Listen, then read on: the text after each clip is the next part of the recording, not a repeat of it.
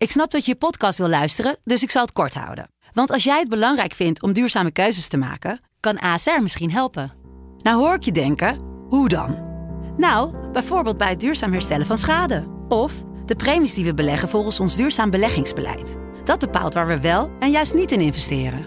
Wil je meer weten over welke duurzame keuzes ASR maakt? Ga dan naar asr.nl slash duurzame keuzes. ASR doet het. Zo, dan kan je nu lekker naar je podcast luisteren. Deze podcast wordt mede mogelijk gemaakt door bedcity.nl. Kortie Media. Je hebt de grote machtsblokken. Uiteindelijk ging Nederland, het kleine Nederland, er met, met, met de grote prijs van de hoe, hoe absurd was dat eigenlijk? Dat, het, dat jullie als Nederland kans überhaupt maakt. Ja, dat was in die tijd ongelooflijk.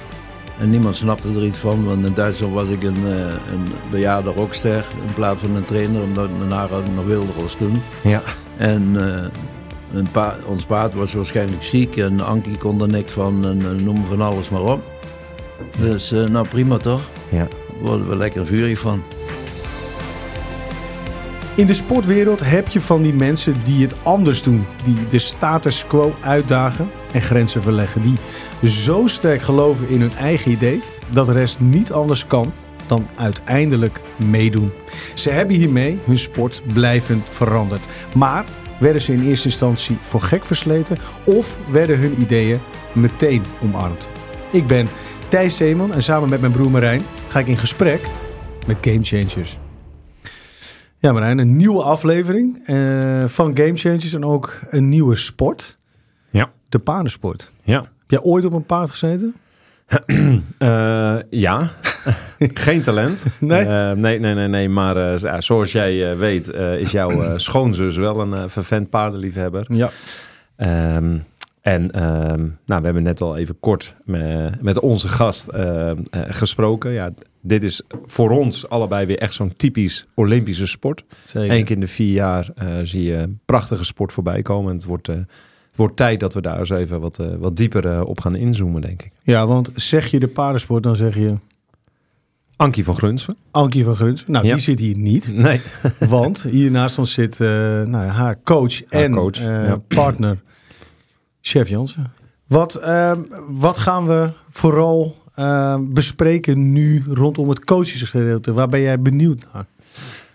Nou ja, kijk, sowieso is het uh, heel goed, denk ik, dat dit verhaal wordt vastgelegd. Want uh, Chef is, uh, is coach van een, van een atlete ehm, die drie keer op rij, hè, drie keer op rij Olympisch goud heeft gewonnen. Ongekend. Um, hè, wat ik me daar al sowieso van herinner is, nou ja, dan denk ik ook aan Inge de Bruin, Leontien van Moorsel, Ankie van Grunsen. Dat waren volgens mij echt de drie grote sportvrouwen uh, van Nederland. Um, nou, uh, ik ben razend benieuwd hoe, hoe chef haar heeft gecoacht. Hoe werkt het dan eigenlijk in de dressuursport? Want je hebt ook te, uiteraard te maken met het paard, met uh, de Amazone, de ruiter en de coach. Wat wordt daar nou eigenlijk gevraagd? Maar ook uiteraard benieuwd naar, naar de visie van, van chef. Hè? Dus Um, ja, hoe, hoe heeft hij het dan anders uh, gedaan? Want dat gaat ook, denk ik, in dit verhaal heel uh, nadrukkelijk naar boven komen. Ja, en um, voordat Ankie haar eerste gouden medaille won, geen goud. Ja. Dus uh, dit is het werk van een gamechanger geweest. Dat kan niet anders. Ja, ja absoluut. Um, en nou ja, weet je, laat, laten, we, laten we het gaan, be, laten we chef gaan bevragen. want er is denk ik veel te vertellen. Chef, welkom. Goedemiddag. Heb je er zin in? Half. Half? Half. Waarom? Maar dan maken we een hele ik, van. Ik, ik, ben meestal de pers ontvluchten. Ja? ja. Nou ja, dit, daar heb je vandaag mazzel. Want er zit eigenlijk maar één persmuskiet. En er zit gelukkig een collega naast je. Ja, uit mijn favoriete sport. Ja? Ja. Paardrijden. Hij heeft nog nooit paard gereden. Ik heb het over fiets. Oké, okay, je bent ja, want uh, dat is meteen uh, heel interessant, want jouw vader heeft vier keer de Tour gereden. Ja, klopt. Ja. Um, heb je zelf ook gewielrend of, of, kun je er wat meer over vertellen? Of, ik, ik heb Asprand en Nieuweling gereden. Ah, ja. En daarna vond ik het uitgaan en de meiden leuker als fietsen. Ja. En, uh, maar ik ben er altijd bij betrokken gebleven. Zelfs nu. Ik kijk alles wat ik maar enigszins kan kijken, kijk ik. Ja. Mijn vader is daarna ook nog ploegleider geweest. Ja. Ook van de eerste profploeg in Nederland, Locomotief. Ja, ja.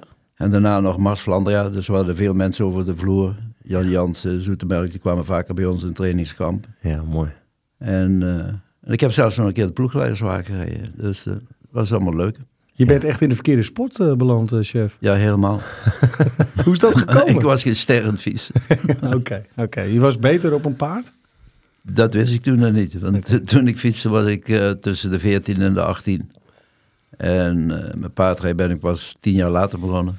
Ja, want laten we even kort jou introduceren, chef. Want er zijn, denk ik, toch nog wel wat mensen die dat misschien niet weten. Hoewel, nou ja, je bent een van de meest succesvolle coaches die Nederland misschien wel heeft voortgebracht. Maar toch even, je bent, zoals je inderdaad net ook aangaf, ik ben pas vrij laat in de paardensport beland.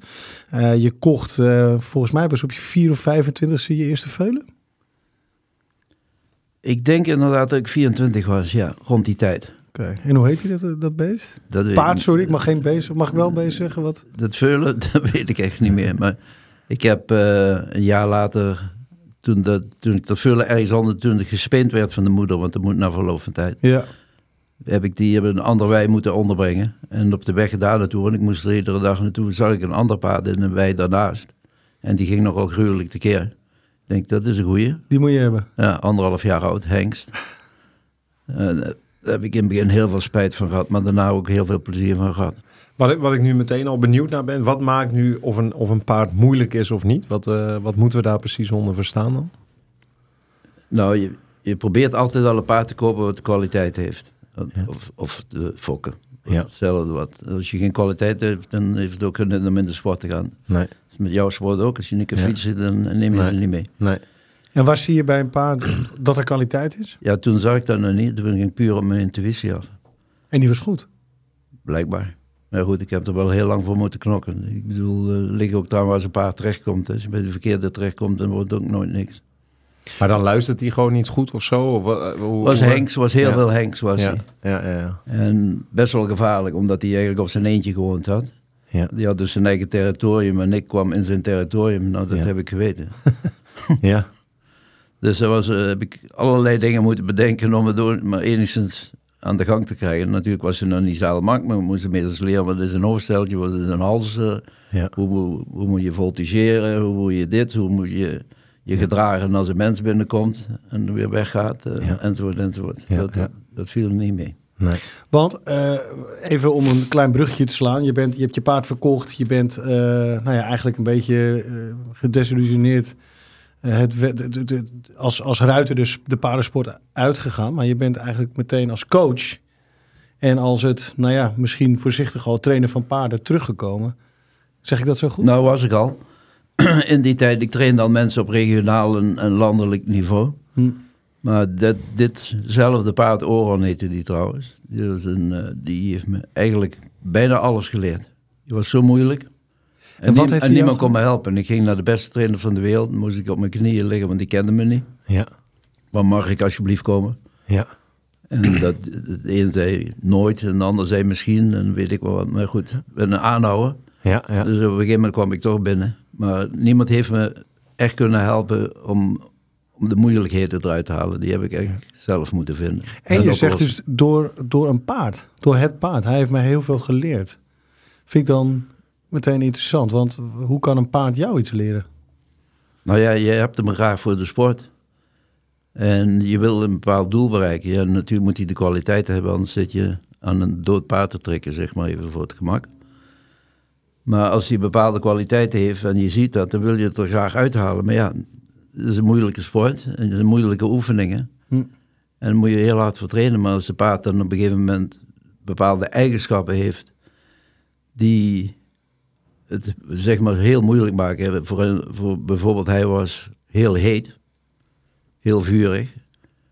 En drukte altijd zijn rug uit als zijn hals er een klein beetje verkeerd op zit en van alles wat.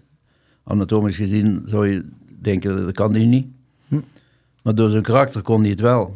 Maar het was eh, ja, ontzettend moeilijk. Ja. Ontzettend moeilijk. Daar heb ik allerlei dingetjes moeten uitproberen die geen één boekje stonden. Want die heb ik ook allemaal verslonden. Ik denk, misschien kan me iemand helpen als die trainers. En die kunnen misschien de literatuur. Ja. Maar dat, daar heb ik ook wel trouwens wel heel veel van geleerd. Want je leert natuurlijk altijd. Ja.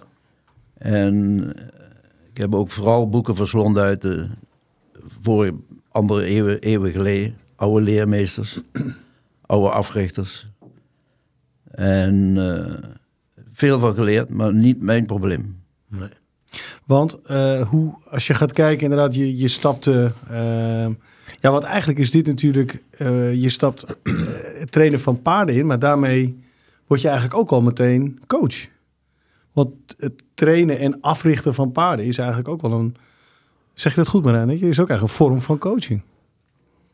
Eh, het klinkt wel zo, maar eh, kijk naar jou, Jeff. Is ja, dat, je eh, coach, ja. coach het paard natuurlijk. Ja, ja, ja. Het is, het is moeilijk in onze sport. Je, je moet er twee coachen. Je moet paard coachen en je moet de, moet de ruiter coachen. Dus je moet en je ruiter heel goed kennen.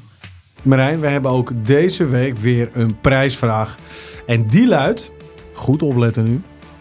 Welk cijfer geeft chef zichzelf als trainer en welk cijfer geeft hij zichzelf als ruiter? Hij heeft het ooit in een interview gezegd, dus het is online te vinden. Dus weet je het goede antwoord? Stuur het dan direct naar gamechangers.kortimedia.nl. En onder de goede antwoorden verloten we weer een schitterend wielershirt van, ja, toen was het nog Jumbo-Visma. De winnaar wordt binnenkort bekendgemaakt op het Instagram-account van Game Changers. En dat is te volgen via Game Changers, de podcast. Succes! Ehm, de eerste keer dat jij Ankie trainde, kun je dat nog herinneren? Ja. Wat zag je? Dat was met Bonfire. Dat had ze wat, we hadden net een klein beetje een ding met elkaar. Omdat we samen in een team zaten. In 93 dacht ik in uh, Donau Eschingen in het Europees kampioenschap. Zat ik er met een paard in en zij. En zij had nog wat... uh, tijdje daarvoor was het, voordat we de kampioenschap gingen, had ze wat problemen met Bonfire. Die was nog niet klaar. Die was heel jong. Als achtjarige was hij heel Grand Prix. Wat eigenlijk, eigenlijk bijna een tik aan de jonge kant is. Maar hij had zoveel vermogen dat dat kon. Maar het was technisch gezien niet helemaal af. Toen zei de chef, kun jij me niet mee helpen? Met, uh, want ik had al een beetje een reputatie opgebouwd aan, die bepaalde oefeningen, wat ik moeilijk vind. Wat was jouw reputatie dan? Dat ik al meerdere leerlingen goed heb laten functioneren in de sport. Hm. Anderen. En je zag haar, hè? je zag, druipt dan het talent ervan af bij Ankie? Uh, ja, ik kende haar eigenlijk niet. Ze heeft er zelf ook iets over in haar boeken geschreven. Ben je daarmee bekend, chef? Ik heb die boeken vroeger wel eens gelezen. nou, ze zei in haar boek... Chef deed het voorkomen alsof ik er niks van kon. Alsof ik, Ankie van Grunzen, niet eens in staat was... een elementaire proef voor een beginnende ruiter te rijden. Ja, dat is als trainer heel makkelijk om ze zo, als trainer heel makkelijk om ze zo te laten voelen. maar, maar je vond het niks? Nou ja, ik ben van de, van de basis. Dus ik ga eerst aan die basis liggen, ga ik liggen voeten. En dan laat ik ze een hele simpele oefening doen, wat voornamelijk gaat over reactie en reflexen. Ja. En dat vindt zelfs de allerbeste wereldruiter vindt dat nog heel moeilijk. Dus als iemand denkt dat hij kan paardrijden, moet hij bij mij even les pakken. dus zelfs Ankie ja. van Grunsven faalt dan? Toen wel nog. Ja? ja. Maar, de, maar wat, wat, wat, zelfs de kwestie van nu, heden ten dagen, om dat nog bij te houden constant. En ik denk dat er de veel, Marijn kan dat waarschijnlijk aanvullen, dat de, dat de basis super belangrijk is en waar je iedere, iedere keer naar terug moet gaan. Ja. Ja. En, ook, en, ook, leren herkennen wanneer je terug moet gaan. Ja. Dus je wil eigenlijk, jij begint pas chef als je denkt, eerst de basis. Ja, zonder basis gaat helemaal niks. hey, en hoe zeg je dat dan tegen, tegen Ankie? Gaat dat dan met, uh, met heel veel nou, ja, zachte heelmeesterachtige woorden? Of is het gewoon erbovenop? Heb je eens met je vrouw getennis? Moet ik geloof ik niet aan beginnen. Nee, maar... maar nee, wacht, ik wel... wil ik even weten. Wat, hoe zeg je dat dan tegen Ankie? Nou, we zijn allebei heethoofden, dus het ging er nogal op. En het probleem is, als je met iemand samenwoont, dan is de relatie trainer-atleet is wel heel moeilijk. Ja. Dus la, laat je eigenlijk liever iemand anders doen. Maar ja, omdat wij gewoon heel goed waren met ons tweeën in, in het trainen en, en het naar wedstrijden toe brengen. Ja, pik je dat maar op de loop, de, de loop toe. De koop toe, ja. Of op de koop toe. Ja. En het goede is wat wij altijd gedaan hebben, zo gauw als de deur van manege dicht ging en we gingen naar huis, werd er nooit meer over de sport gepraat. Ah, ja. Dat hij een uitzonderlijk geval was. Maar verder, thuis was thuis en werk was werk. Dat is ook verstandig, ja. Maar, maar wacht ben ik toch even, nog want, benieuwd. want dat is... Uh, want jij heeft nog geen antwoord gegeven. Eén seconde. Ja. Wat, want daarmee zet je jezelf natuurlijk als coach neer. Zo, want dit is, dit is hoe ik het doe. Hoe zeg je dat dan letterlijk tegen? Of Ja, maar dat is eigenlijk meer een teaser. Hè? Van als je denkt dat je goed bent, dan is er nog heel veel werk. Dus eigenlijk maak ik ze bewust, want dat ze nooit uitgeleerd raken. En dat ze de simpele dingen niet moeten vergeten, want dat is struikeljob. Als je die niet in je, in je pakket hebt zitten, waar je, kijk, als het moeilijk wordt, kun je daarop terugvallen. Dat zijn je ankers, je pilaren waar je hele sport op steunt. En dacht je ook van, Ankie dacht misschien op dat moment al, ik ben al heel ver. Jij wilde ook wel even haar weer hongerig maken dan? Nou ja, ik probeer daar beter te maken. En ik kan het alleen maar beter maken als iemand het gevoel krijgt dat er nog veel te winnen valt, veel te halen valt. En dat kan ik ze laten voelen door bepaalde oefeningetjes te laten doen. Heel simpele dingen. Is dat zomaar aan? Doe jij dat ook? Nee, want, want, wij, want kijk, jij hebt dus, je bent met, met Ankie dan ga je aan, aan, eh, aan de slag. Hè? Maar, en je zegt, nou, ik ga weer terug naar de basis. Wat, eigenlijk de vraag die we eigenlijk altijd stellen. Van, ehm, heb, heb jij daar ook een voorbeeld in gehad? Hè? Want dat, dit is ook wel een, een bepaalde filosofie van, van coachen. Hoe ga ik, eh, hoe bouw ik iemand op tot, een, tot in dit geval een topruiter? Nou, die basis heb ik eigenlijk zelf moeten leren uitvinden. Ja. En eh, ik ben Nou, ik bedoel met name hoe je dan met, met Ankie omging. Dus niet met het paard, maar in dit geval met een mens. Hoe, had je, heb je daar ook een bepaald idee bij of een, een visie die je daarin volgt? Nou ja, ik heb ook. Kijk, omdat je zo dicht bij elkaar staat, is, het- is het gewoon heel moeilijk om samen te werken in zeg maar in professioneel verband. Ja. En ik heb er veel baat bij gehad, omdat we ook, eh, ik, was, ik heb de mastercoachcursus gedaan bij de NSC-NSF in de allereerste jaargang 1999-2000. Ja. En daar zijn we ook in aanraking gekomen met- via Peter Murphy met Action Type. Ja. En dat soort dingen die, denk ik, in bijna alle sporten nu gebruikt worden. Ja. En daardoor heb ik Ankie een beetje beter leren lezen. ja. En dat heeft mij enorm geholpen met coachen ook. Wat voor type was zij dan en wat voor type ben jij? Nou, we lijken redelijk veel op elkaar, behalve extravert en introvert. Ja. En eh, zij moet het heel erg hebben, maar de mensen ben ik gelukkig ook dat veel in de details en stap voor stap. En niet, niet in de globale. Dus er zijn ook veel mensen die willen globaal coach worden. Ja. Als je daar in detail gaat, slaan ze op hol. Ja. En dus dat, soort dingen zijn natuurlijk wel belangrijk. En het ook leren herkennen aan haar als ze in haar eigen, eh, hoe moet ik het zeggen? Ja, iedereen gebruikt het woord flow, ik wil wat anders gebruiken, maar ik heb het even niet. Hm. Zo op zeer belangrijke wedstrijden waar het moment dat het echt gebeuren moest. En we haalden het paard uit de stal en we gingen richting wedstrijdring of losrijring. Dan zag ik al daarna, ik hoef vandaag niks te doen. Nee. Kom goed. Ja. Dus dan bemoei ik me er ook bijna niet meer mee. Nee. Maar dan keek je naar haar en niet naar het haar. paard. Nee, kijk Nee. naar haar. nee. Want als Kijk, het dan met het, haar... paard, het paard moest wel een topvorm hebben. En op het moment dat je naar de, de belangrijkste wedstrijd gaat... en als je niet in topvorm, heb je juist werk niet goed gemaakt. Nee. Als je op wedstrijden nog echt aan de slag moet, Ja. is, is fout. Ja. Maar het paard is, is dan dus wezenlijk anders dan een mens in feite. Ja, ik denk het wel. Heeft vier benen enzovoort. Ja, maar ik bedoel meer, als je dus een paard bereidt je voor naar dat piekmoment. En dan is het, als je dan je, je planning en je training op orde hebt, dan, dan komt het goed. Begrijp ik dat dan goed? En dan, alleen een mens, dat, daar speelt die mentale component dan toch nog Ja, een grotere rol. Heel belangrijk. Ook de fysieke hoor. Dat er ook nog aan de kant getraind wordt. Met eh, yoga en eh, krachthonk enzovoort. Wat, wat dan ook nodig mocht zijn. Maar bij paarden hadden we ook een heel management. Wij waren de allereerste team, zeg maar, wat, het, eh, wat er een management naast had. In de zin van, we hadden fysiotherapeuten, we hadden maandelijkse bloedcontrole, we hadden de beste dierenartsen, de beste hoefsmeden. Ja. eh, de mental coach, wa- wat erbij was. Dus we waren de eerste met een echt team. Ja. Dat, dat had nog nooit iemand gedaan. Mental coach voor Ankie, neem ik aan. Ja, en Ja. ook voor mij. Ja, ja. Ja, is dat ook, eh, was dat ook inderdaad, daar had jij ook je gesprekken mee om, om ook je eigen balans te kunnen behouden?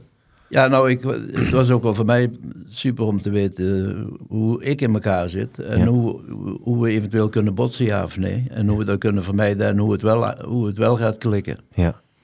Want Marijn, wil ik van jou weten. Als je, kijk, jij bent eh sportcoach van een team. Maar als je dus net als chef eh, voor de opdracht staat dat je je eigen vrouw moet coachen. Ja. Je hebt dus een sociaal leven met elkaar. Je gaat dus, eh, staat 's morgens op. Je hebt normale dingen. En dan kom je in één keer in een coaching situatie. Voor welke uitdagingen komt chef te staan?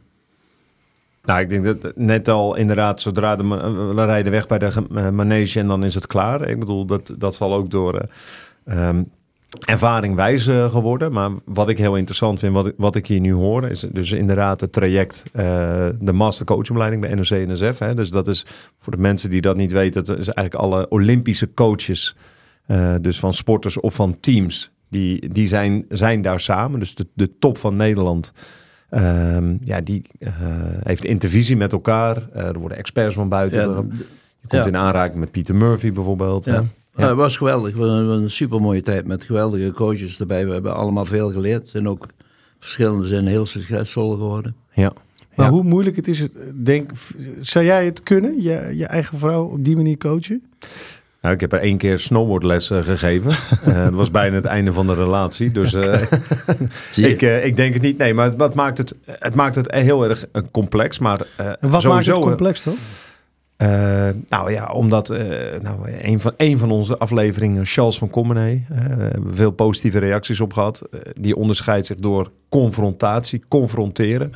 We hebben, we hebben ook inmiddels al heel wat afleveringen gehad waarin we hebben gezien dat topsport. ehm, ja, dat, dat, is, dat gaat toch wel wat verder dan de normale wereld. Je vertelt elkaar net even wat meer de waarheid. En je Eh, zei zelf, topsport wat- is ongemakkelijk. topsport is ongemakkelijk. Dus ja, weet je, zulke harde confronterende gesprek in een relatie. Ja, dat vraagt natuurlijk wel dat, ehm, ja, dat, dat, dat zowel coach als sporter, of in dit geval coach en ruiter, heel goed zaken kunnen scheiden. En ook inderdaad eh, beseffen van, ja, we hebben nu een, een professionele relatie met elkaar. Dat schuurt ook wel, dat, is, dat doet soms af en toe pijn. Maar ja, we zijn ook eh, eh, geliefden. Eh, ja, en dan eh, hoef je niet de hele dag eh, feedback te geven natuurlijk. Hè? Vind je dat, vond je het wel eens moeilijk om dan, hè, want de confrontatie, daar ontkom je niet aan als coach. Jij moet dus Ankie confronteren. Het is ook iemand waar je mee samenleeft. Heb je het wel eens niet gedaan dat je dacht, ik had het wel moeten doen? Nou, dat zal best wel een keer gebeurd zijn, maar ik deed het soms nog vaak te veel als te, als te weinig. En waarom vind je dat je te veel deed? Omdat ik een gruwelijke fanatieke hond ben. En, en, en waarom is het dan te veel? Dan diende het geen, geen functie? Of dan was je ja, gewoon dan te ging het een klein beetje met me aan de loop. En dat, dat schiet er natuurlijk niet meer op. En dan moet je natuurlijk wel leren herkennen dat je eh, hetgene wat je brengen wilt, dat dat de ander niet in de war gaat brengen of ongelukkig maakt of hetzelfde wat. Kun je één voorbeeld noemen? Zeg maar, wat je nu te binnen schiet? Van ja, daar ben ik eigenlijk... Het was niet sterk. Ik, ik, daarmee heb ik haar juist niet de goede richting op geholpen. Nou, ik zou niet een voorbeeld kunnen noemen, maar dat zal best wel vaker gebeurd zijn. Maar eh, het, het goede was ook dat Ankie een ijzeren mentaliteit had, vooral als het erom ging. Kijk, Hm. ik word natuurlijk best wel heel kwaad in de trainingen kan ik dan worden. En vooral als het niet opschiet. Wat ons enorm veel geholpen is op een gegeven moment, eh, gegeven tijd. Als we wielrennen trouwens ook, heb je die oortjes, het geluid. Dan krijg je veel informatie van de ploegleidingen bij jullie in dat geval. En bij ons is, geef ik lessen na via dat ding. En hoef ik niet meer te schreeuwen. Snap je? Dat, dat haalt al heel veel agressie uit. Als, als ik hier ben een les geven en zij zit aan de andere bak- kant van de bak, 60 of 80 meter verder, en ik moet gaan loeien als een koe. Ja, dan wekt dat al agressie op, omdat ik zo'n stem moet opzetten. Ja. Kijk, en nu kan ik dat op een normale manier brengen en ik zit met mijn timing goed. Want als, als, als ik moet wachten tot ze weer bij mij zijn en ik zou zeggen, ja, daarachter deed je dit en dit niet goed. Ja, dan ben ik al, ben ik al fout, loop Ja, achter de feiten aan als coach. Want, moet want op, wat, op heb, de seconde moet ik kunnen ingrijpen. wat, wat heb je dan vooral geleerd echt als, eh, als coach eigenlijk dan? Vooral eh chef, eigenlijk vanaf het moment dat je met, met Ankie begon te werken. Ik heb, eh, ja, wat heb ik geleerd? Ik, te veel om op te noemen. En Ik heb er ook enorm veel voordelen aan gehad aan andere mensen wat ik gecoacht heb. Ik heb natuurlijk niet alleen Ankie gecoacht. Nee, ik heb ook een Adelinde Cornelis gecoacht, wat zilver en brons had in, in Ja. Londen. Ja. Ik heb meerdere mensen gehad die Europese en wereldmedailles gehaald hebben. Ja. En eh, het heeft mij vooral ook geholpen om, om het coachen aan hun veel meer rust te brengen, veel meer de tijd te nemen, toch weer ook vaker terug te gaan naar de basis. Hetgeen wat wij ook altijd moesten, want uh, Salineren en Bonfire waren verrekte moeilijke paarden eigenlijk. Ja? Ja, en dat, heb ik, dat heeft me ook ontzettend veel geholpen met die andere mensen te coachen. En wat, wat heeft jou... eh, ja, we- kun je bepaalde mensen noemen die jou daar het meest in hebben geleerd? Of ergens waarvan je dacht, ja, ja dat je inzicht hebt opgedaan? Of... Nou, ik heb heel veel gehad met Pieter Murphy. Ja. Dat is een persoonlijke vriend van me. We hebben veel gegolfd samen. We hebben heel veel leuke Hij woont dingen. vlakbij je volgens Ja, mij. hè? en we woonden in Uden. Ja. Wie, wie is, even voor de luisteraar, wie is Pieter Murphy maar? hè? Eh, dat is een oud volleybalcoach. Ehm, en die heeft ehm, samen met Jan Huiberts, als ik het goed heb, hem, heeft hij eh, het, het boek Action Type eh, eh, geschreven. En ik denk toch wel dat we kunnen zeggen dat dat een van de eerste, laten we zeggen, coachboeken is geweest die ehm, in Nederland echt voor een doorbraak hebben gezorgd. Die eigenlijk coaches hebben geleerd. Niet iedereen is zoals jij. Hm. Hè, Er zijn meerdere persoonlijkheden. Wie ben ik zelf? Wie heb ik voor me? Eh, nou, Jeff noemde het al, eh, gericht op details of niet. Introvert, extravert. Ehm, ehm, ja, eh, allerlei verschillende persoonlijkheidseigenschappen waardoor je eigenlijk leert. Ook fysiek, je- hè? En fysiek inderdaad. Hè? Dus be- ja, is ook veel in het voetbal, bijvoorbeeld eh, Ja. oogreflexen en dat soort zaken. Maar eigenlijk dat je leert als coach ehm, af te stemmen op degene die je voor je hebt. Klinkt een beetje als een, als een bijbel voor de coaches. Eh, ja, nou ja, goed. Het heeft zeker in, in de periode waar, we- waar we het nu over hadden. En nu, nu zie je het veel meer. En dan zie je het ook veel in, in bedrijven wordt het eh, toegepast. Ehm, maar ehm, ja, het is in ieder geval. Het moet voor iedere coach wel verplichte kost zijn om te snappen. Eh, dat jij als coach je aanpast aan degene die voor je staat. En dat je ook snapt dat niet iedereen hetzelfde kijkt eh, zoals jij dat doet. Of hetzelfde gedraagt zoals jij dat doet. Dus Ehm, een, een, ehm, een, eh, een heel interessant boek. Ehm, doe ook vooral zelf de test een keer. En, en lees het boek erbij, dan gaan je ogen open. Ja. En het is ook een mooi eh, bruggetje eigenlijk naar de manier hoe jij, hè, want daar zijn we begonnen. Jij ging op een andere manier naar het eh, het trainen van paarden kijken. Je hebt daar eigenlijk een eigen methode ontwikkeld. De LDR-methode. Zou je kort kunnen uitleggen wat dat is? Het, heet, het heeft allerlei namen gehad. Op het einde heette het LDR. Oké. Ze heten nog. Low, Deep and Round. En eh, wat het doet eigenlijk, het werd ook in de oudheid al gebruikt, is dat je je paarden als het ware helemaal nagevelijk maakt. Dus dat je alle fysieke blokkades wat er in het lichaam zit, probeert eruit te halen. En die doe ik dan op, op die manier, wat ook in het verleden al ge- gebruikt werd. Misschien de ene deed het een klein beetje zo, de ander zo. Ik heb het extreem doorgevoerd. En je zegt het woord nagevelijk. Wat betekent dat? Nagevelijk is dat je hem zeg maar in zijn kaak en in zijn hals, daar vooral al in de eerste instantie nagevelijk gaat krijgen. En van daardoor kun je een paard zeg maar in allerlei posities brengen. Maar Wat- nagevelijk? Ik ken het woord helemaal niet. Nou, dat kan, dat kan ik bij jou ook een keer proberen. Ja, ja, ja. ja. Dat doen we na de aflevering. Nee, maar wat, eh, ik denk, als ik het niet weet, weet de luisteraar Nou, niet. je begint bij de kaak. Maar Dus wat, er, nou, er- er zit een bit in. En Ja? een bit vinden veel, veel paarden vooral in het begin niet leuk. En ik probeer ze nagevelijk te krijgen op het bit. Zodat ze het bit leren loslaten of er smakelijk mee leren omgaan. En het fijn vinden om het wel te hebben. dus en het is een en beetje het wegnemen heel- van blokkades, is dat het? Ja, het wegnemen van blokkades. En daarna ga ik ze heel rondrijden. Dus als het ware dat ik die hals naar beneden ga buigen. En van daaruit laat ik ze stretchen. Dat ze heel lang over hun lichaam moeten worden. En tot die rug omhoog komt. Dat ze hun spieren leren ontwikkelen. Daarom ga ik veel schakelen. Daardoor leren ze de buikspieren ook, ook te ontwikkelen. Je, je ontwikkelt eigenlijk alles. Je kan, je kan heel veel dingen doen zo. Dus even voor mijn beeld dat, dat ik het begrijp en iedereen die dit luistert. Je, je hebt eigenlijk de- dat de methode gaat erover dat je precies voelt waar de blokkades van een paard zitten. Dat je eigenlijk dat hele lichaam op die manier bestudeert. En dat ze daardoor bijna gaan doen wat jij zegt uiteindelijk. En waarom Maar- was dat voor jou re- revolutionair? Want het is, het is wel de methode uiteindelijk wa- wat, wat jouw groot succes heeft gebracht. Hoe Ja. ben je erop gekomen? Nu kwamen, komen we terug helemaal in het begin van mijn allereerste Grand Prix paard, Oron. Die Ja. had ik als anderhalf jaar gekocht heb, wat gruwelijk moeilijk was. Die had altijd de neiging om zijn rug weg te drukken en zo te lopen. Je maakt nu Maar, je- maar dan kreeg, ik kreeg geen punten. Dus En je, je doet het voor, maar we luisteren dus je, je, je trekt je dit, een soort afstandelijke ja, houding zo. je aan. Kijk, zo wil je die rug hebben als ruiter. Rond. Rond. Oké. En tot hij je meeneemt. Maar op het moment dat hij wegzakt, wordt het stuiterig. En dan wordt er blokkeert de ruggengraat en de rugspieren en de achterhandspieren. En er komt niks meer door. Maar wat ik wil is dat ik een hulp geef, dat die door het hele lichaam vloeit. Oké. En hoe kwam jij hier nou op? Want dit is, dit is iets waarvan jij zei, ja, maar dit is echt anders dan hoe het ging. Ik kijk nu, jij kijkt dus anders naar die, jij ging anders naar paarden kijken. Ja, nou, ik had misschien ook een klein beetje geluk dat ik niet uit de paardensport kwam. Ja. Omdat ik eh, tegen me thuis ook een, constant een topsportmentaliteit heb kunnen zien en ook mee opgegroeid ben. En daardoor ga je ook op een gegeven moment als je in onze sport terechtkomt, toen, toen in die tijd in elk geval, ging denken, ja jongens, dit en dit en dit en dit werkt niet. Dus er moeten toch andere methodes eh, bestaan om het veel beter te laten functioneren. Dus eigenlijk wat je zegt is, er werd er op een bepaalde manier werd er naar deze sport gekeken. Iedereen ging het zo. Kun je zeggen dat als jij wel opgegroeid was in de paardensport, dat je nooit bij deze methode was gekomen? Dat weet ik niet. Ik ben niet zo meelopend, dus ik zal wel, toch wel een experimenteren geslagen zijn op de een of andere manier. Wat, oké, maar dat is dan, dat zullen we nooit weten, wat als. Maar jij kwam niet uit de sport, dus jij keek er op een andere manier naar. Wat, wat verbaasde jou dan? Waarom dacht je van, hé, maar waarom doen ze dat zo, joh?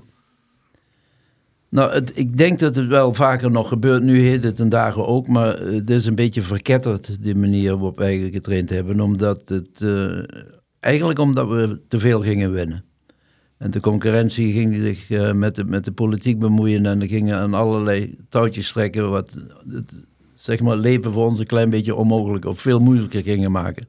Dat is, dat is uiteindelijk het resultaat, daar kom ik straks. Ik wil alleen nog even je- wat ik belangrijk vind, omdat iedereen daardoor begrijpt. Jij komt in die sport, het ging altijd op een bepaalde manier. Maar ook, eh, heb je ook je inspiratie buiten de paardensport gehaald? Of was het toch allemaal wel... Ik denk van wielrennen een beetje.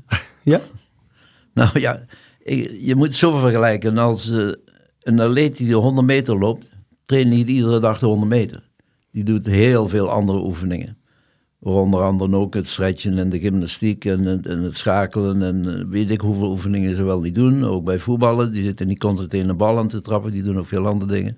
Nou, dat dacht ik, dat moet bij een paard ook kunnen. We hoeven niet constant dat proefje te lopen. We kunnen ook de gymnastiek en het accelereren en de andere oefeningen, het uithoudingsvermogen, kunnen we toch ook bevorderen om het allemaal beter te maken. Ja, want jullie, ja, dat, eh, dat begrepen we ook. Hè? Dat, dat de training zoals jij die deed, onder andere ook met Ankie, maar ook met andere atleten, dat dat er wel echt heel anders uitzag eh, dan eigenlijk tot dan toe gebruikelijk was. hè? Nou, dat is niet waar, want Nicole Uphoff is een Duitse, die heeft Korea gewonnen en die heeft Barcelona gewonnen, Ja. 92, 88.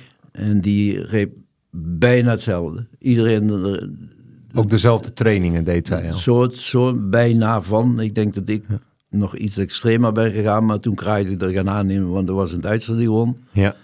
En ehm, daarna heeft nog een Française, Margit Otto Crepin, die heeft nog heel veel gewonnen bij WK's en EK's en die trainde ook zo, Ja. ongeveer. Ja.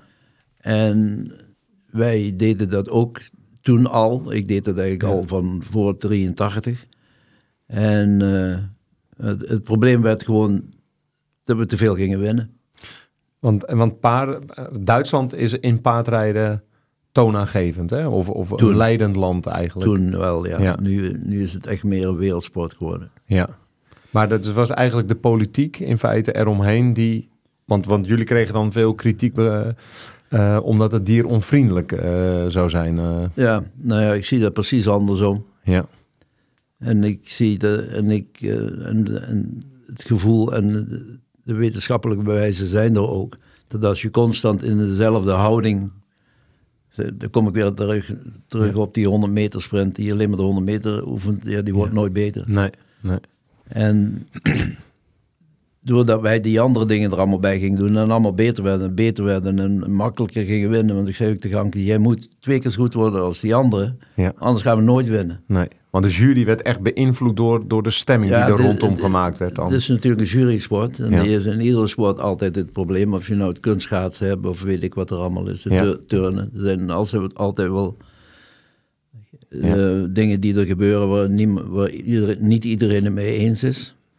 En dat was bij ons natuurlijk ook, eh, ook het geval. En dat heeft wel een tijdje geduurd voordat erkend werd dat we echt zo goed waren dat je wel moest winnen. ja. En wa- en waar kwam die weerstand dan vandaan? Want als je succes hebt, je zou zeggen, nou ja, eh, het wordt omarmd in de paardensport, maar dus niet. Niet door je concurrenten. Wel door, wel door heel veel mensen over de hele wereld. Anke was gruwelijk populair, nu nog. Bij het grote publiek. En, eh, maar die, de verliezer is altijd... Het is niet makkelijk om een goede verliezer te zijn. Hè? Nee, maar de jury heeft toch niks met winnen of verlies te maken. Hoezo waren die dan zo... Wat, je geeft eigenlijk aan, de jury was niet op onze hand hierdoor. Nou, de jury werd geprobeerd eh, dat men die ging manipuleren natuurlijk. Er kwam druk. Hoe merkte je dat er gemanipuleerd werd? Heel veel juryleden werden heel vaak uitgenodigd in Duitsland. In die tijd waren er ook heel veel concoursen in Duitsland. Die werden dan gefeteerd en feestjes en hier en daar naartoe en weet ik niet allemaal wat. En er werden heel vaak ook, ook buitenlandse concoursen dezelfde weer uitgenodigd. En eh, de juryleden werden, laat ik het netjes zeggen, happy gehouden. Hm. En wij stampten natuurlijk tegen een steen die eigenlijk niet mocht verroeren. Welke steen was dat? De steen van het, het machtsblok wat er was. Jullie, gaan, jullie gingen het overnemen Wij eigenlijk. gingen het overnemen, ja. Wij werden we- gewoon beter, klaar. Dat- Dat was niet anders. En, en heb je ook wel gemerkt, hè, want dit is dus blijkbaar wat in jouw sport ook wel echt een rol speelt. Namelijk eh, dat, dat, dat er zoveel machten meespelen voordat je kan gaan ontwikkelen. Want ja, heb je daar echt iets tastbaars van gemerkt dat je dacht, ja, maar nu laten ze ons gewoon niet winnen omdat ze ons niet willen laten groeien? Nou, ik zal een klein voorbeeldje noemen. Bonfire Salinero, eh, ik praat in dit geval over het tijdperk. Salinero, die, had, die was zo vurig, die had moeite met stilstaan. Daar verloren va- best wel vaak punten. Je komt, ik weet niet of jullie ooit al eens een proef gezien hebben. Je komt naar binnen, je galoppeert, je houdt in de midden halt, je groet en je begint je proef. Ja. Nou, die bleef al moeilijk stilstaan. ja, dan kreeg je al een draai om je van hier tot Marokko. Dan begon je al met weer 30, 40 procent, terwijl je eigenlijk al 80, 90 had willen hebben. En toen, dus je hebt twee keer halt houden, dus in het begin en op het einde. Dus je, die jury moet groeten. Maar daar hadden ze dus, denk ik, we gaan die Jansen en Van Grunsven eens even een loer draaien. We gaan een nieuwe proeven schrijven. En dan gaan we bij A ook nog een keer halt houden en achterwaarts gaan. Dan kan die 100% niet. En dan gaat hij, hon- dan gaat hij ook veel minder winnen. 100% dan hebben we er ander voordeel van. Nou, het leuke was gewoon dat we er zoveel op getraind hadden. En hij vond het trouwens ook prima. Dat hij dat kon als een, als een ster. Dus dat was eigenlijk lachen. En wie is hij ook weer in deze? Eh, dit was Salinero. Dit was Salinero. Ja. Maar dat was gewoon eigenlijk om jullie te jennen. Proberen weer, weer een trucje uit te halen, ja. En is het dan, hè, want je hebt wel eens een keer in de sport, weet je, ja goed, eh, alle registers gaan open. Maar dit was echt om, om, om ervoor te zorgen dat, dat jullie de top niet zouden halen. Jullie worden echt weer echt tegengewerkt. Ja, we werden constant tegengewerkt. Ja. Dus eh, Want hoe, hoe bijzonder was het überhaupt eigenlijk dat er dan dus een, een team uit Nederland kwam in, in deze sport? Hè? Eh, wat, wat moeten wij ons daar eh, eh, bij voorstellen in, in de context zoals, zoals de sport er destijds uitzag? nou, dat was not done. Ja. Dat hoorde, dat hoorde niet. Nee. Ja, wat, eh, dat, vind, dat vind ik prima. Als het niet hoort, doe ik het juist. Ja. Want hoe klein was Nederland eigenlijk, zeg maar, wa- wa- wat men eigenlijk zegt van, ja oké, je hebt de grote machtsblokken. Uiteindelijk ging Nederland, het kleine Nederland, er met, met, met de grote prijs vandoor. Hoe absurd was dat eigenlijk? Ja, dat was in die tijd ongelooflijk. En niemand snapte er iets van, want in Duitsland was ik een, eh, een bejaarde rockster in plaats van een trainer, omdat mijn haar nog wilder als toen. Ja. En eh, een pa- ons paard was waarschijnlijk ziek en Ankie kon er niks van en eh, noem van alles maar op. Dus eh, nou prima toch? Ja. Daar worden we lekker vurig van. Ja, ja, ja. Wat kun je ons eens vertellen van hoe zag zo'n training er dan uit ehm, ehm, van jullie? Wat, Ja, dat is iedere dag anders. ja, Want je, je komt met een planning, we gaan dit, vandaag gaan we dit en dit en dit eh, doen of aanwerken. ja, En je begint tien minuten verder, dan gooi je de papieren maar weer in de prullenbak. Want het gaat toch anders worden vandaag. Want hij geeft zoveel informatie die, die anders is. Dus je moet die training gaan aanpassen. ja. En dan heb Continu je- luisteren eigenlijk Ja. en, naar wat dat paardje eigenlijk voor feedback ehm, Ja. eh, geeft. Ja, Dus nu nog, nu moeten we iedere dag nog ook met andere paarden onze trainingen aanpassen. ja, ja. Ja, want dat is natuurlijk zo anders dan voor jou. Hè? Dat je dus, hè, je hebt niet alleen met de sporten te maken, maar je hebt dus ook met de nukken van een beest te maken. Maar, Ja, ja, nee, dat, dat, dat maakt het natuurlijk echt eh, eh, razend interessant. Ehm, ehm, je coacht de ruiter, eh, maar ondertussen is het ook eh, de ruiter die de informatie krijgt van het paard. En ondertussen als coach kijk je daar natuurlijk ook naar. Maar op het moment dat de ruiter, dat daar geen verbinding is, geen connectie is en eh, Ehm, ja, dan, dan kom je ook nergens. Dus het is, ja, ik kan me nergens eigenlijk bedenken waar het om zo'n drie-eenheid eh, gaat. Ehm, Het is met niks te vergelijken. hè? nee, nee, nee, nee, nee. En dus ongelooflijk succesvol. Want dat is eh, uiteindelijk natuurlijk ook... Nou ja, er zijn nog veel meer redenen waarom je hier zit. Maar vooral ook natuurlijk dat je Nederland echt naar de top hebt gebracht. Dan laten we even dat niet vergeten. En vooral even naar een fragment luisteren. Ehm, waarbij, nou ja, de, de, de top van de Olympus werd bereikt. Dan gaat het handje zo omhoog. En de muziek start. Ze rijdt Something New, Something Old. Samenstelling van de composities van de kuren die ze de laatste jaren gereden heeft. Appuiement naar links. Heel mooi, kijk eens even. Stapt heel fraai over. Kijkt in de richting waar Bonfire naartoe moet. Schuin naar voren. Get is uit het boekje. Dit zijn de negens en de tienen. Er komt voor Bonfire altijd het moeilijkste stuk, de stap. Ook een beetje aangepraat natuurlijk, want eh, Bonfire heeft best wel een goede stap laten zien. Maar het is niet zijn allersterkste gang. Ze lacht. En dat is altijd een goed teken. Dit is de laatste rit geweest van Bonfire. 239,18. Het is goud voor Nederland, goud voor Ankie van Gunsven en goud voor Bonfire. We zien jou hier ook eh, eh, glunderen. Was dit de mooiste gouden medaille? Mm, ja, Waarom? omdat ze eigenlijk al goud hadden moeten hebben in Atlanta vier jaar ervoor. Hm. En toen eh, had ze twee zilvers, ook al fantastisch natuurlijk. Maar ze stond best wel redelijk ver voor op de laatste dag.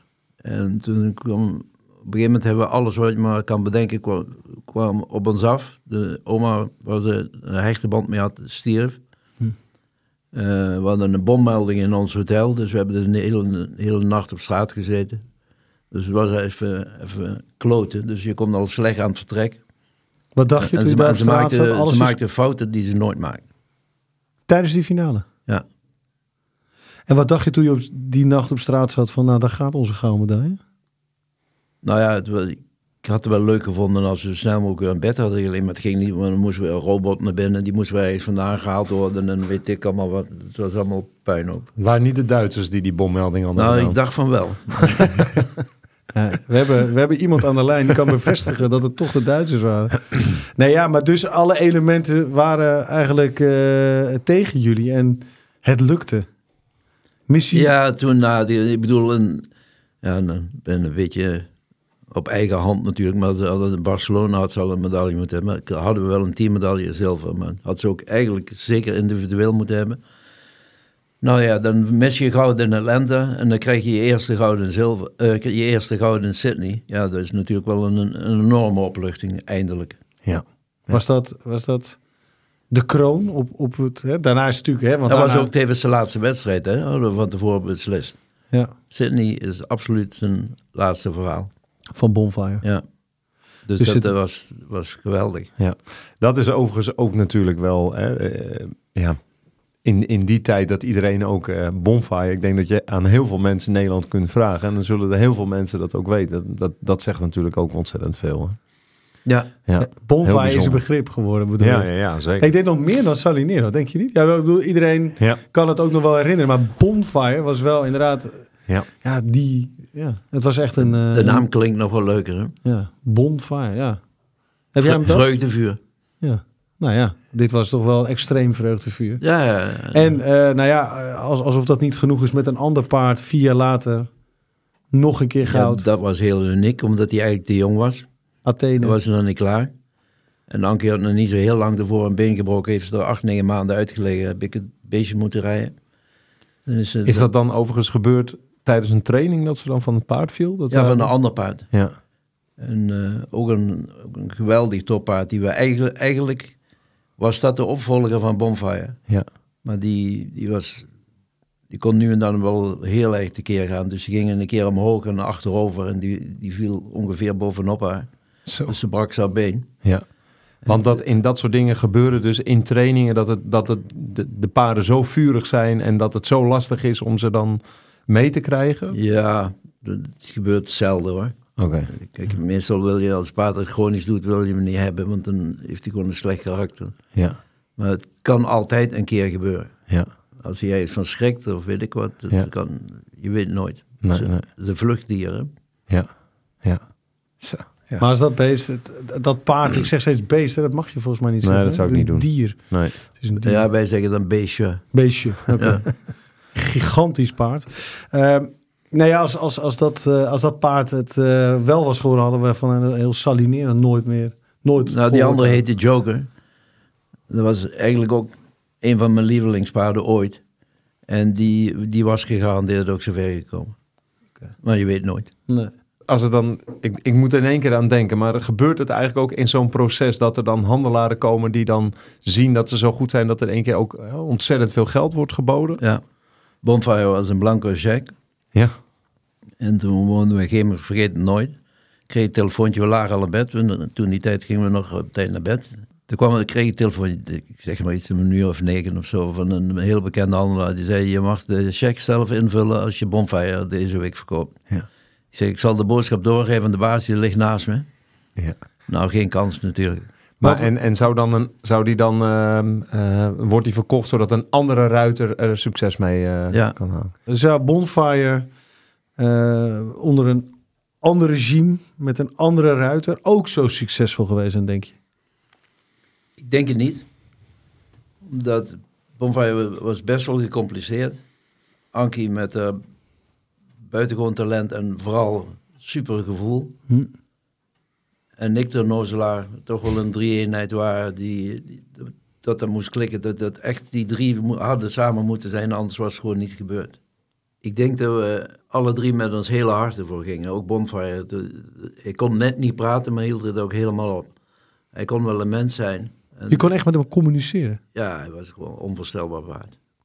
Maar jij kon met hem communiceren. Ja, niet in het Arabisch of zo, maar Hij begreep jou en jij begreep hem. nou, we begrepen elkaar, anders zou hij het niet voor ons doen. En hoe, Kijk, een paard moet natuurlijk wel met alle plezier van de wereld dat voor je willen doen. En dan moet je hem voor uitnodigen, dan moet je hem dingen vertellen en laten voelen die hij fijn vindt en waarom dat hij zich zo moet inspannen. En als je die uitdaging niet in hem kan brengen, dan gaat hij het gewoon niet doen. en hoe communiceerde jij met hem? Als je, kan ik daar een voorbeeld, hoe, hoe, hoe moet ik dat voor me zien? Hoe doe je dat? Nou, ik kan een worteltje geven voor de stal, dat vindt hij 100% lekker.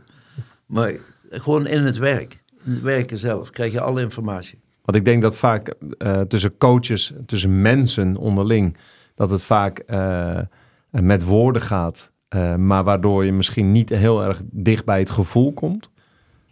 Tussen mens en paard is alles eigenlijk gebaseerd op wat je ziet en, Ja. en, op, en, en op intuïtie en gevoel. Is dat wat je bedoelt? Ja, 100%. Ja. Eh, Het gaat alleen maar over dingetjes doen, gevoel krijgen, spotten. Hoe, hoe beleeft hij dat? Hoe reageert hij?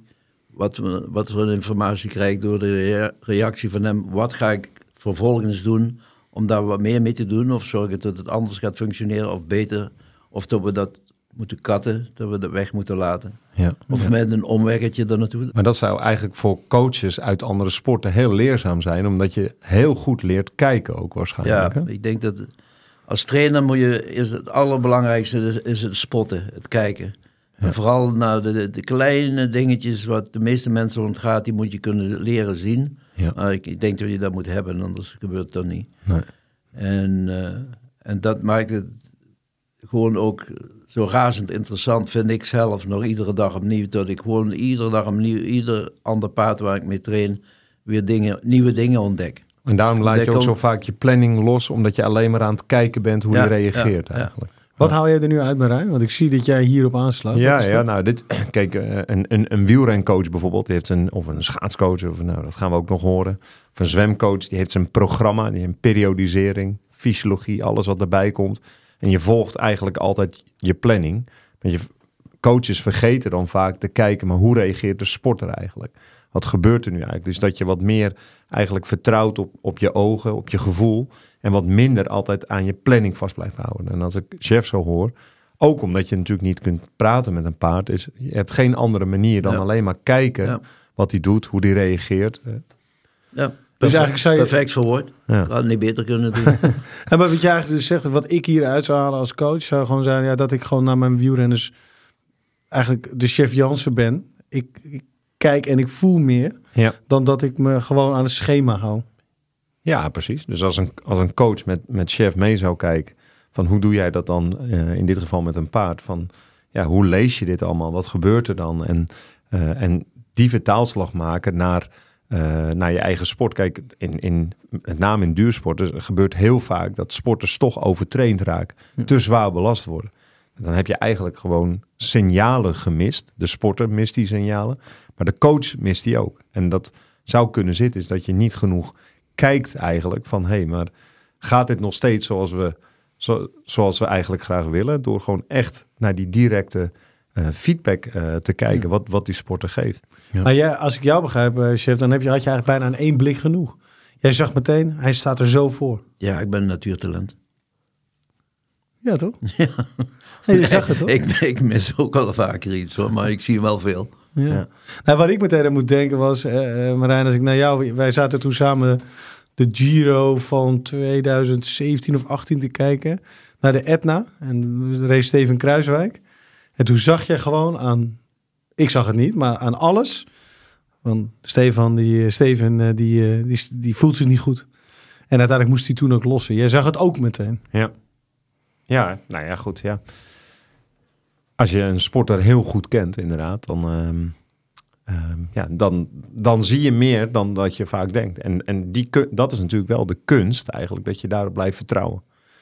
Dat ook gewoon, wat zie ik eigenlijk? Ik, ik werk al zo lang met die sporter. Gaat het goed of gaat het niet goed? En loslaat met, ja, wat zijn eigenlijk mijn plannen? We hadden vandaag intensief moeten trainen. Ik zie eigenlijk dat het niet goed gaat. Mhm, misschien toch wat doen. Maar als ik die intensieve training vandaag niet doe, dan missen we weer wat. Nou, en dat is eigenlijk dan, ja, dan laat je dus los van eh, waar je in feite gewoon eh, altijd op moet vertrouwen, denk ik. Dat is ook wel een kunst, hè? leren loslaten. Ja. Hoe bedoel je dat? Dat je, als je nieuwe informatie krijgt, dat je zegt, ik gooi mijn plan overboord. Want het gaat niet voor jezelf. Kun je, eh, heb je al opgeme- opgemerkt dat het niet gaat lukken. Ik ga me aanpassen, want anders dan ga, kan ik me wel vasthouden in de planning. Maar of, of ik rij hem leeg, of ik krijg tegenzin, of de ruiter kan er niet mee omgaan, of weet ik veel wat. Dus het is ook de kunst van het leren loslaten. Ja. En er is ook een beetje moed voor nodig. Om af te wijken. Ja, maar goed, ik denk dat dat ook iedereen wel een klein beetje heeft moeten leren. Ik, ik had het in het verleden ook niet, ik heb dat ook moeten leren. Het is een ervaringsvak. Juist. Ja. En wat ik dan grappig vind, is dat eigenlijk een renner en een paard. Je denkt, dit heeft niks met elkaar te maken. Maar als ik dit hoor, spreken jullie toch veel meer nog dezelfde taal dan, dan, dan we misschien vooraf dachten. Ja, ja nee, absoluut. En, en mooi, mooi wat chef vertelt, want ja, dit zijn ook de dingen waar andere coaches veel van kunnen leren. Chef, je bent nu 74? Ja, helaas. Helaas. Ja, ik heb nog jonge kinderen en ik wil ze graag wel langer meemaken. Dus ik moet goed trainen en goed op mijn eten letten en een gezond leven. Oké, en, en, en ja, daar ben je mee bezig. Waar ben je nog meer mee bezig? Ik heb altijd eh, fietsen. Ik fiets zo tussen de 100 en 150 kilometer per week. Oké. Alleen of met een paar vrienden. Ik heb veel gegolfd en getennis, maar dat, ik beperk me voornamelijk tot fietsen. En met mijn kinderen op wedstrijden gaan vind ik ook hartstikke leuk. Die rijden ook in het buitenland, Europees. En eh, ik heb nog wat paarden voor de handel. Die train ik mee, vind ik ook fijn. Ik kan nog wat centjes verdienen ook nog. Heel goed. Heb je, heb je nog dromen? Nee, ik heb alles gehad in mijn leven wat ik wou. Ja? Ja. Er zit hier een, een, een uitermate tevreden mens naast me. Ik heb ook veel gedaan in 74 jaar. Nou ja, je hebt eh, een karrevracht aan medailles binnengehaald. En een, en een geweldige vrouw. Ja, Misschien is dat, wat is eigenlijk belangrijker? allebei. Ik hoor hier een politiek antwoord, Marijn.